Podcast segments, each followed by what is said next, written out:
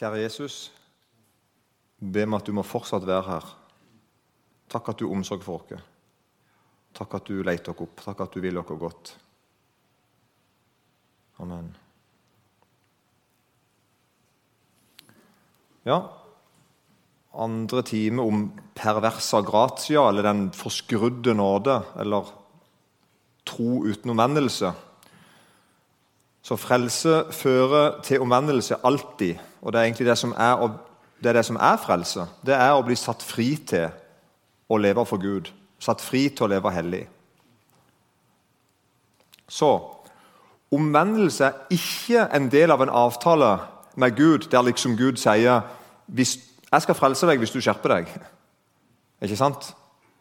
Det er ikke omvendelse. At, liksom at Gud sier at 'nå skal jeg gjøre mitt, så må du gjøre. Nå skal jeg gjøre mitt, så må du gjøre ditt'.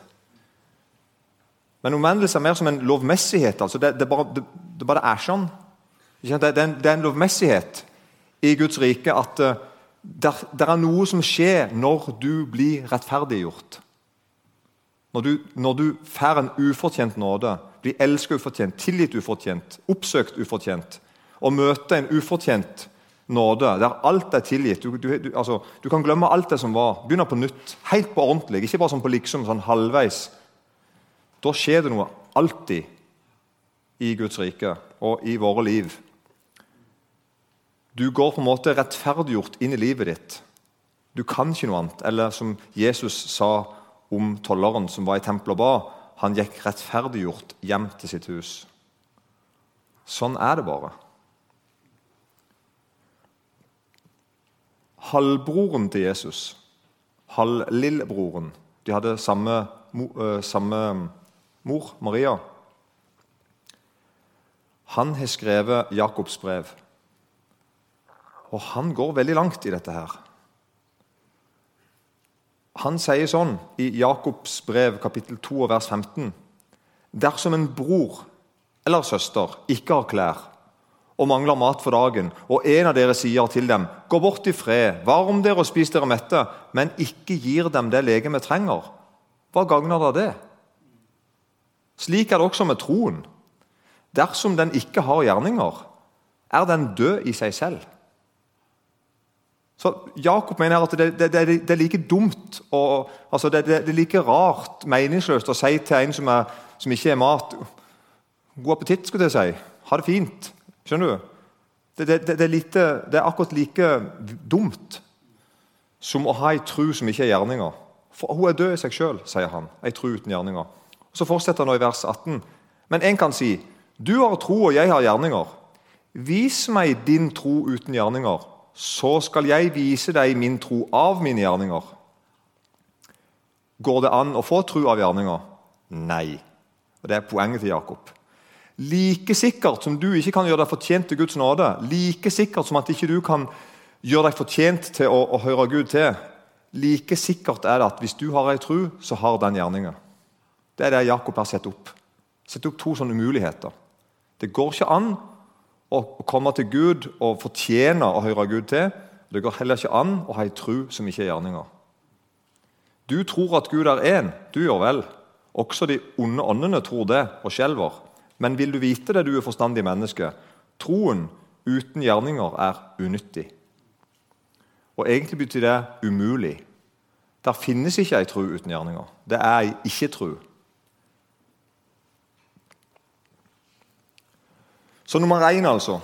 Vi har nå hørt litt om en forskrudd forståelse av Guds nåde. Vi kan kalle det for å synde på nåden. Det er et begrep som er ganske godt å bruke. Å synde på nåden, det vil liksom si at jeg vil, jeg vil bruke nåden til å fortsette å synde.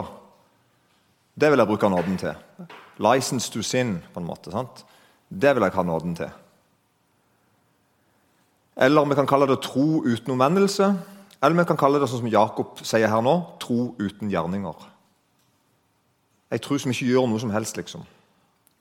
Og som sagt, ei sånn tro er ikke ei tro, og er ikke forenlig med Gud. Paulus sier det sånn i Romerbrevet 6, vers 1. Hva skal vi da si? Skal vi forbli i synden for at nåden skal bli det større? For han har akkurat sagt at der synden blir stor, blir nåden større. Så sier han da, vent litt, ja, tenker vi da altså at det, kanskje vi bare skal holde på å synde for at nåden skal bli større? Nei, nei, nei, langt ifra.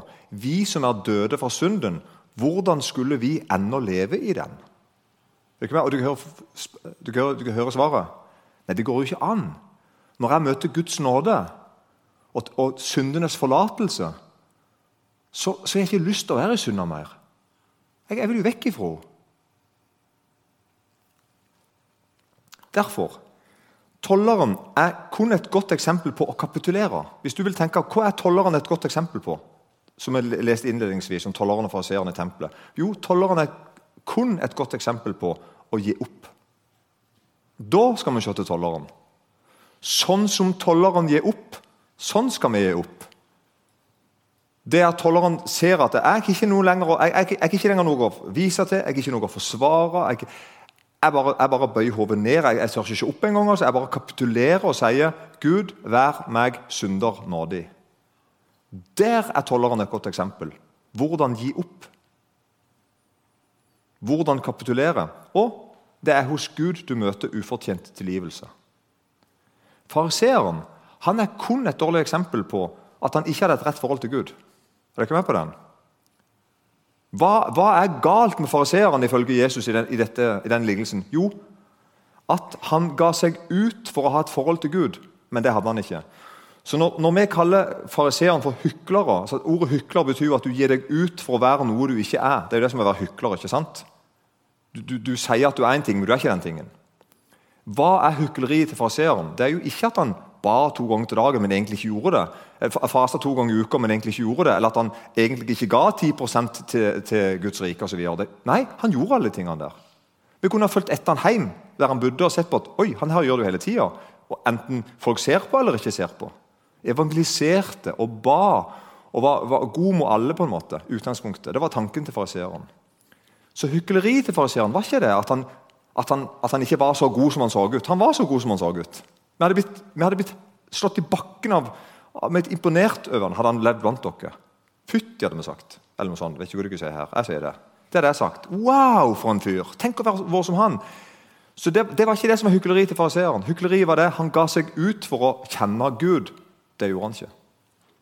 Han ga seg ut for å være kristen, ville vi ha sagt, men det var han ikke. Tolleren altså, tolleren er kun et godt eksempel på å kapitulere og fariseeren er egentlig kun et dårlig eksempel på å ikke gi seg i møte med Gud. skulle jeg si. Han hadde ikke et gudsforhold. Så hykleriet altså var å gi seg ut for å ha fellesskap med Gud, men ikke ha det. Og derfor er det sånn at Når vi sier fariseer i dag, så ser jeg for meg en, en, sånn en fyr på min Ja, jeg ser for meg sånn som meg. En, en, en hvit, skjeggete, 40 år gammel, 50 år gammel konservativ kristen som mener et eller annet ræl om et eller annet i media. Sant? Så tenker vi fariseer. Veldig lett å si. Og Det kan godt være at dom fins. Men jeg skal være at fariseer kan like godt være en raus, kunnskapsløs kjendis som babler om sine tanker om Gud og kaller det kristendom. For poenget med, ikke sant? Poenget med hykleri er altså å gi seg ut for å være kristen, men ikke være det. Så kan du være på en måte sånn som du vil. Du kan oppføre deg godt eller dårlig. Det er det som er hykleri til fariseeren. Han ga seg ut for å kjenne Jesus, men det gjorde han ikke. Og Sånn er det jo i dag. Det er altså noen som lever ganske gode liv. Det er ikke det det, det, ikke det, det skorter på. Men de kjenner ikke Jesus. Men de gir seg ut for å gjøre det. Som andre ord, det her er godt sagt, jeg har skrevet, om jeg skal si det selv, for dette har jeg faktisk sagt selv. Jesus setter det hele opp som en megakontrast er med på den? Han, setter, ja, han, finner de to største ytterpunktene i hele, i hele verden deres, i hele verdensbildet deres. Han tar seg en toller, det verste av det verste, og en fariseer, det beste av det beste. Og så, de, og så lager han en slags megakontrast, motsetning mellom dem. Og det funker. Vi ser at ikke engang det beste mennesket er godt nok for Gud. Det er det vi ser. Det er poenget med fariseeren.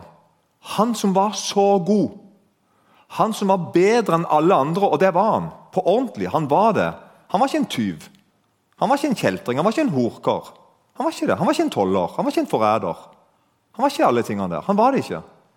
Allikevel ikke godt nok for Gud. Og fariseeren, nei, og tolleren viser oss da ikke engang det verste mennesket er for dårlig til å motta Guds nåde. Er du ikke med på det? Det er godt sagt.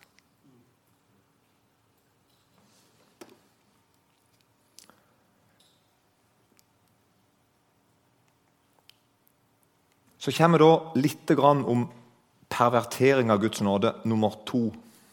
Jeg skal bare si en liten ting her om Jeg vet en annen måte òg der nåden blir forskrudd. Og det er når et menneske krever tilgivelse av et annet menneske.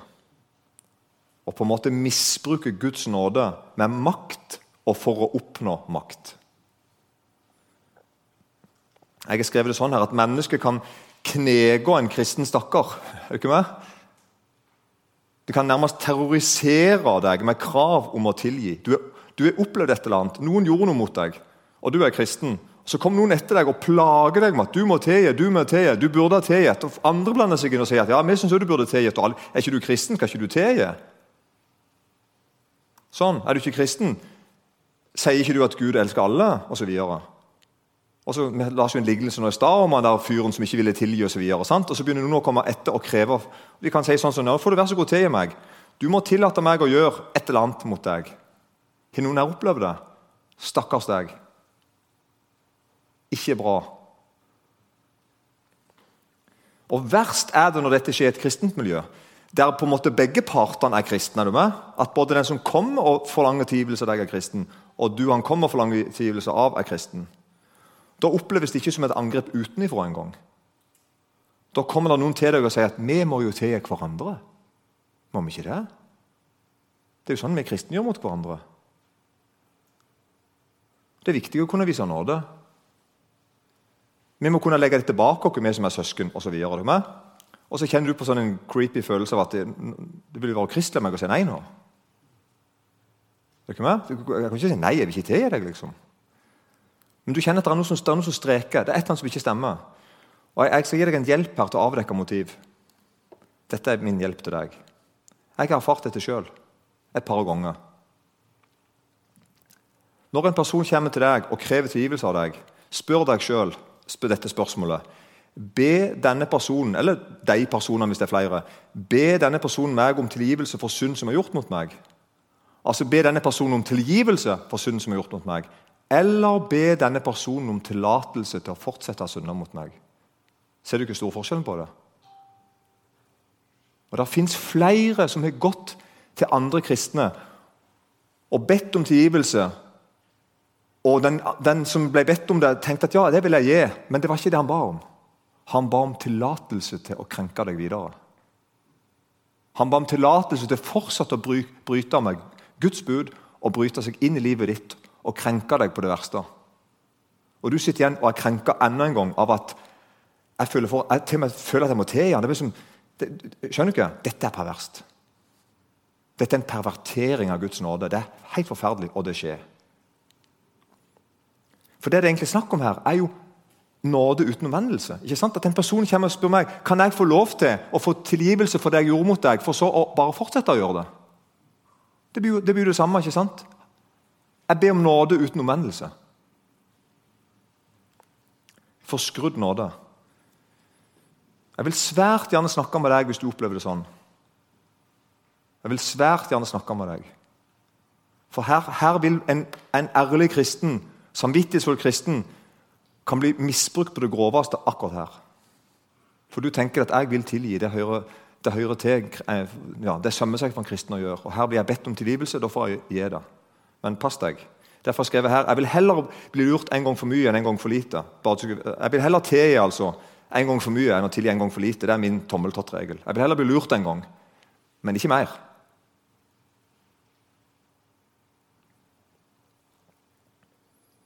Jeg har sittet og grene av en blanding av glede og sorg over noen som kom til meg og ba meg om tilgivelse om en ting. Og jeg ble så glad. Jeg ble så tatt på senga av det òg, men jeg ble så glad at jeg grein av glede og sa jeg selvfølgelig tilgi deg og dykke. Og så gjenger det en stund, så finner jeg ut av det var bullshit. Det var løgn. Da trenger vi å kjenne Guds nåde. Den egentlige Guds nåde for å avsløre det. Du trenger å være en som kjenner at, vite at nåde og omvendelse henger sammen. Du trenger vite det, sant? Sånn, Hvis du lever godt med Gud, hvis du, kjenner, hvis du vet hva nåde er, så er det lettere å avsløre når andre driver og misbruker det inn i livet ditt. Ikke sant? Så det er klart at hvis, du, hvis ditt forhold til Gud er at jeg synder på nåden, jeg får tilgivelse uten å omvende meg, da, ja vel, da kan vel andre gjøre det med deg òg, da. Ikke sant? Derfor så trenger, vi, trenger du som kristen du trenger å bli professor i dette. her, liksom. Tilgivelse. Det er det vi må Nåde.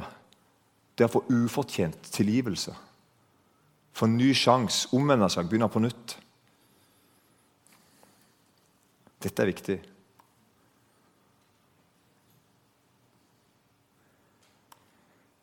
Vil du seire ved synd? Spørsmålstegn. Og her er skrevet noe bare sånn, Mange er faktisk i tvil hvor de vil svare. Prikk, prikk, prikk. Det er, sånn, er det teologisk riktig å seire ved synd? på en måte? I, forhold til den kirke som det jeg hører til, kan jeg tenke at det er mulig? liksom? Er jeg ikke egentlig en synder uansett? Er det ikke egentlig en farlig tanke du ville seire over synd? forresten? Er det ikke akkurat det fariseeren ble tatt for av Jesus? Er det ikke med? Er det ikke, hva er det han gjør her? Jeg takker deg, Gud, for det jeg ikke er som andre mennesker. Er ikke det en ufyselig ting å si? Det har jeg lært å tenke. Men det er jo ikke det fariseeren tenker sjøl. Som sagt, det jeg allerede var inne på. Han er glad for han ikke er en røver og ikke er urettferdig, ikke en horkar. Han er glad han ikke er en toller. Han takker Gud, og han takker Gud for det. Høres bra ut, det. Og han lever etter regler i, som, han, som de fulgte, som Gud hadde gitt i Mosebøkene. Vil du seire over synd? Og Her opplever jeg noe rart. og Jeg vil egentlig kalle det for krisealvorlig. Mange vil ikke seire over synd. Og nå mener jeg mange kristne. altså. Mange bekjennende kristne sier nei, faktisk, det vil jeg egentlig ikke. For jeg behøver ikke. Jeg er jo det. Hvorfor skal jeg seire over synd da? Det er jo det nåden er til for. Ikke det? Så slipper vi jo det.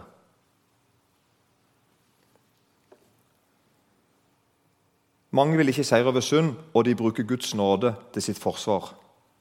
Hvordan merker, hvordan merker jeg dette? Det jeg nå påstår, så jeg skrevet her at jeg kan selvsagt ta feil her rett som det er. bare så jeg er sikker på det. Jeg, det er, ikke, jeg, er jeg, er ikke Gud, ikke du heller. Så her kan vi ta feil, Men hvordan merker jeg allikevel at det er noe galt hos kristne når jeg spør om vil du seire over synd? Jo, jeg merker det på at Bibelens mange vers om hvordan vi skal leve som kristne, er totalt uinteressante. Det er ikke relevant engang. Det er bare sånn Hva er det for noe? Sånn merker det. Jeg merker de veldig fort sier ja, vi er nåden, det er nok, liksom.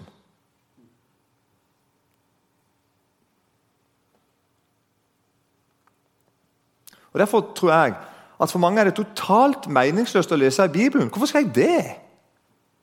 Hva, altså, hva, hva, hva trenger jeg å vite der, bortsett fra at Jesus døde for mine synder? Punktum. Jeg kan jo leve som jeg vil. ikke sant? Så selvfølgelig leser ikke folk i Bibelen, sier seg jo selv, hadde ikke jeg heller bryte hvis ikke jeg skulle følge den boka. Hvis ikke hun betydde noe for meg, hvis ikke, ikke hvis ikke jeg måtte respektere og bøye meg for og, og la henne få rett inn i livet mitt. Hvorfor skal jeg da lese Bibelen? Noe annet å gjøre. Det fins liksom Internett og andre ting å gjøre. Hvis en plent vil gjøre noe annet enn å jobbe eller kjøre bil eller gå på ski. Skjønner du? Så her må du tilbake til det vi har sagt tidligere. Bibelen sier at Guds nåde er nok for deg. Det står faktisk det. Paulus får høre det. Han ber til Gud. Det er noe som plager han, noe helt forferdelig som plager han. 2. Korinterbrev 12,9. Og så svarer da Gud denne setningen til han. Min nåde er nok for deg, for min kraft fullendes i skrøpelighet. Her, så, vi skal ikke ta sammenhengen til story, men bare det svaret at Paulus får høre av Gud sjøl. Min nåde er nok for deg. Tror vi på det?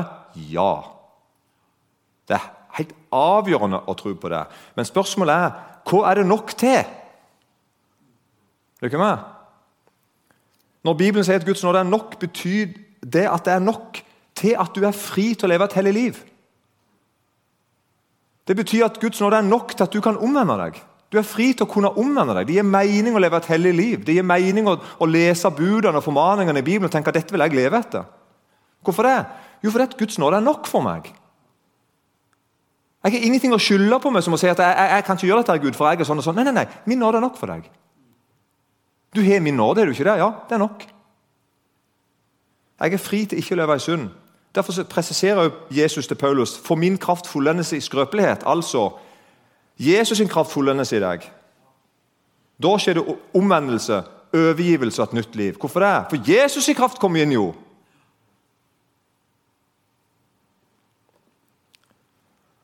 At Guds nåde er nok, betyr ikke du fornøyer deg med nåden. Den er ok, liksom. Det er ikke sånn nok. Sånn bruker vi ordet litt hjemme. ikke sant? Det er nok nå, eller takk, det var nok, eller litt sånn. Er ikke med? Eller at jeg får holde med nåden. Det er ikke det det betyr. Det betyr at det er mer enn nok. Gud er tilfredsstilt. Alt er sånn som det skal. Det er ingenting i veien, det er ingenting å skylde på. Alt er sånn som det skal. Og Derfor skal jeg slutte denne leksjonen her litt rart. Men jeg skal si det sånn at det fins ikke et evangelie. Er du ikke med på hva jeg mener med evangeliet? Evangeliet er jo budskap om at Jesus Kristus, Guds sønn, levde det livet du skulle ha levd. Og gikk inn i stedet for deg og tok straffen som Gud egentlig vil straffe deg med. Så Evangeliet er altså budskap om at Jesus Kristus ble født som et menneske for å leve det livet du skulle leve, for å tilfredsstille Gud, og for så etterpå å gå hen og ta den straffen som du fortjener. Og Så står han opp igjen for de døde og så kommer han til deg og sier at vi to kan bytte plass. Du kan bli rettferdiggjort. Du er urettferdig, jeg er rettferdig. Vi to kan bytte plass, sånn at du blir den rettferdige. Og så skal jeg dø som en urettferdig på et kors. Det er evangeliet, ikke sant? Det er det som er Guds nåde. Det er det som er nok for deg. Det fins ikke et evangelium som sier 'lev som du vil'. Det finnes ikke et budskap i Bibelen som sier at 'god beskjed, hyggelig melding', 'lev som du vil, for jeg er dødd for deg'. Det fins ikke det. Tvert imot så finnes det et budskap som sier 'du skal slippe å leve som du vil'. For det fører i fortapelsen. Du skal slippe å leve etter kjødet, etter driftene dine, etter lystene dine, etter kortsiktige uh, uh, småvinninger som er helt stusslige sett i et litt større perspektiv. Jesus sier du skal slippe det. Du skal slippe å leve som du vil. Du kan begynne å leve sånn som jeg vil. Du kan leve et liv drevet av Ånden. Derfor er det ingen, ingen budskap ingen budskap sier 'lev som du vil'. Og det har jeg lyst til å si at Forkynnere i Norge som forkynner noe annet, ikke hør på dem.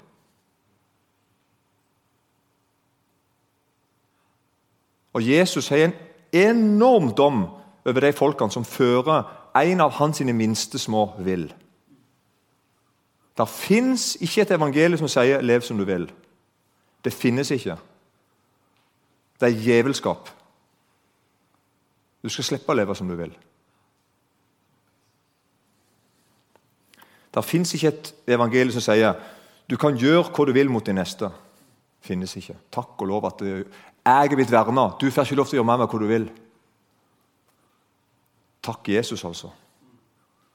Så jeg vet at Hvis du finnes her som tror at jeg, jeg er på en måte blitt fri til å gjøre som jeg vil mot meg Nei, det har du ikke. Hvis du bøller med meg, så bøller du med Jesus.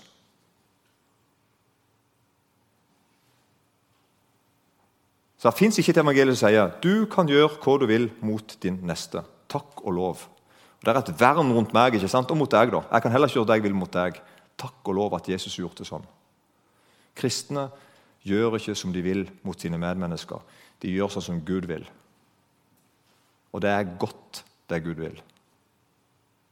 Så vi blir gode venner. Ikke sant? Vi blir gode naboer.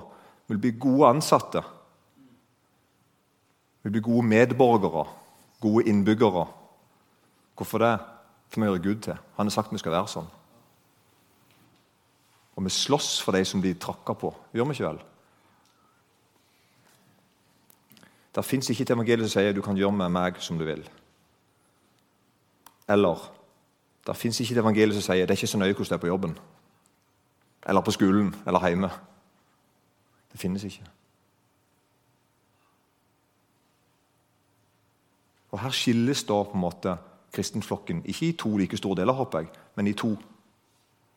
De som tror det jeg nå har sagt, og de som ikke gjør det.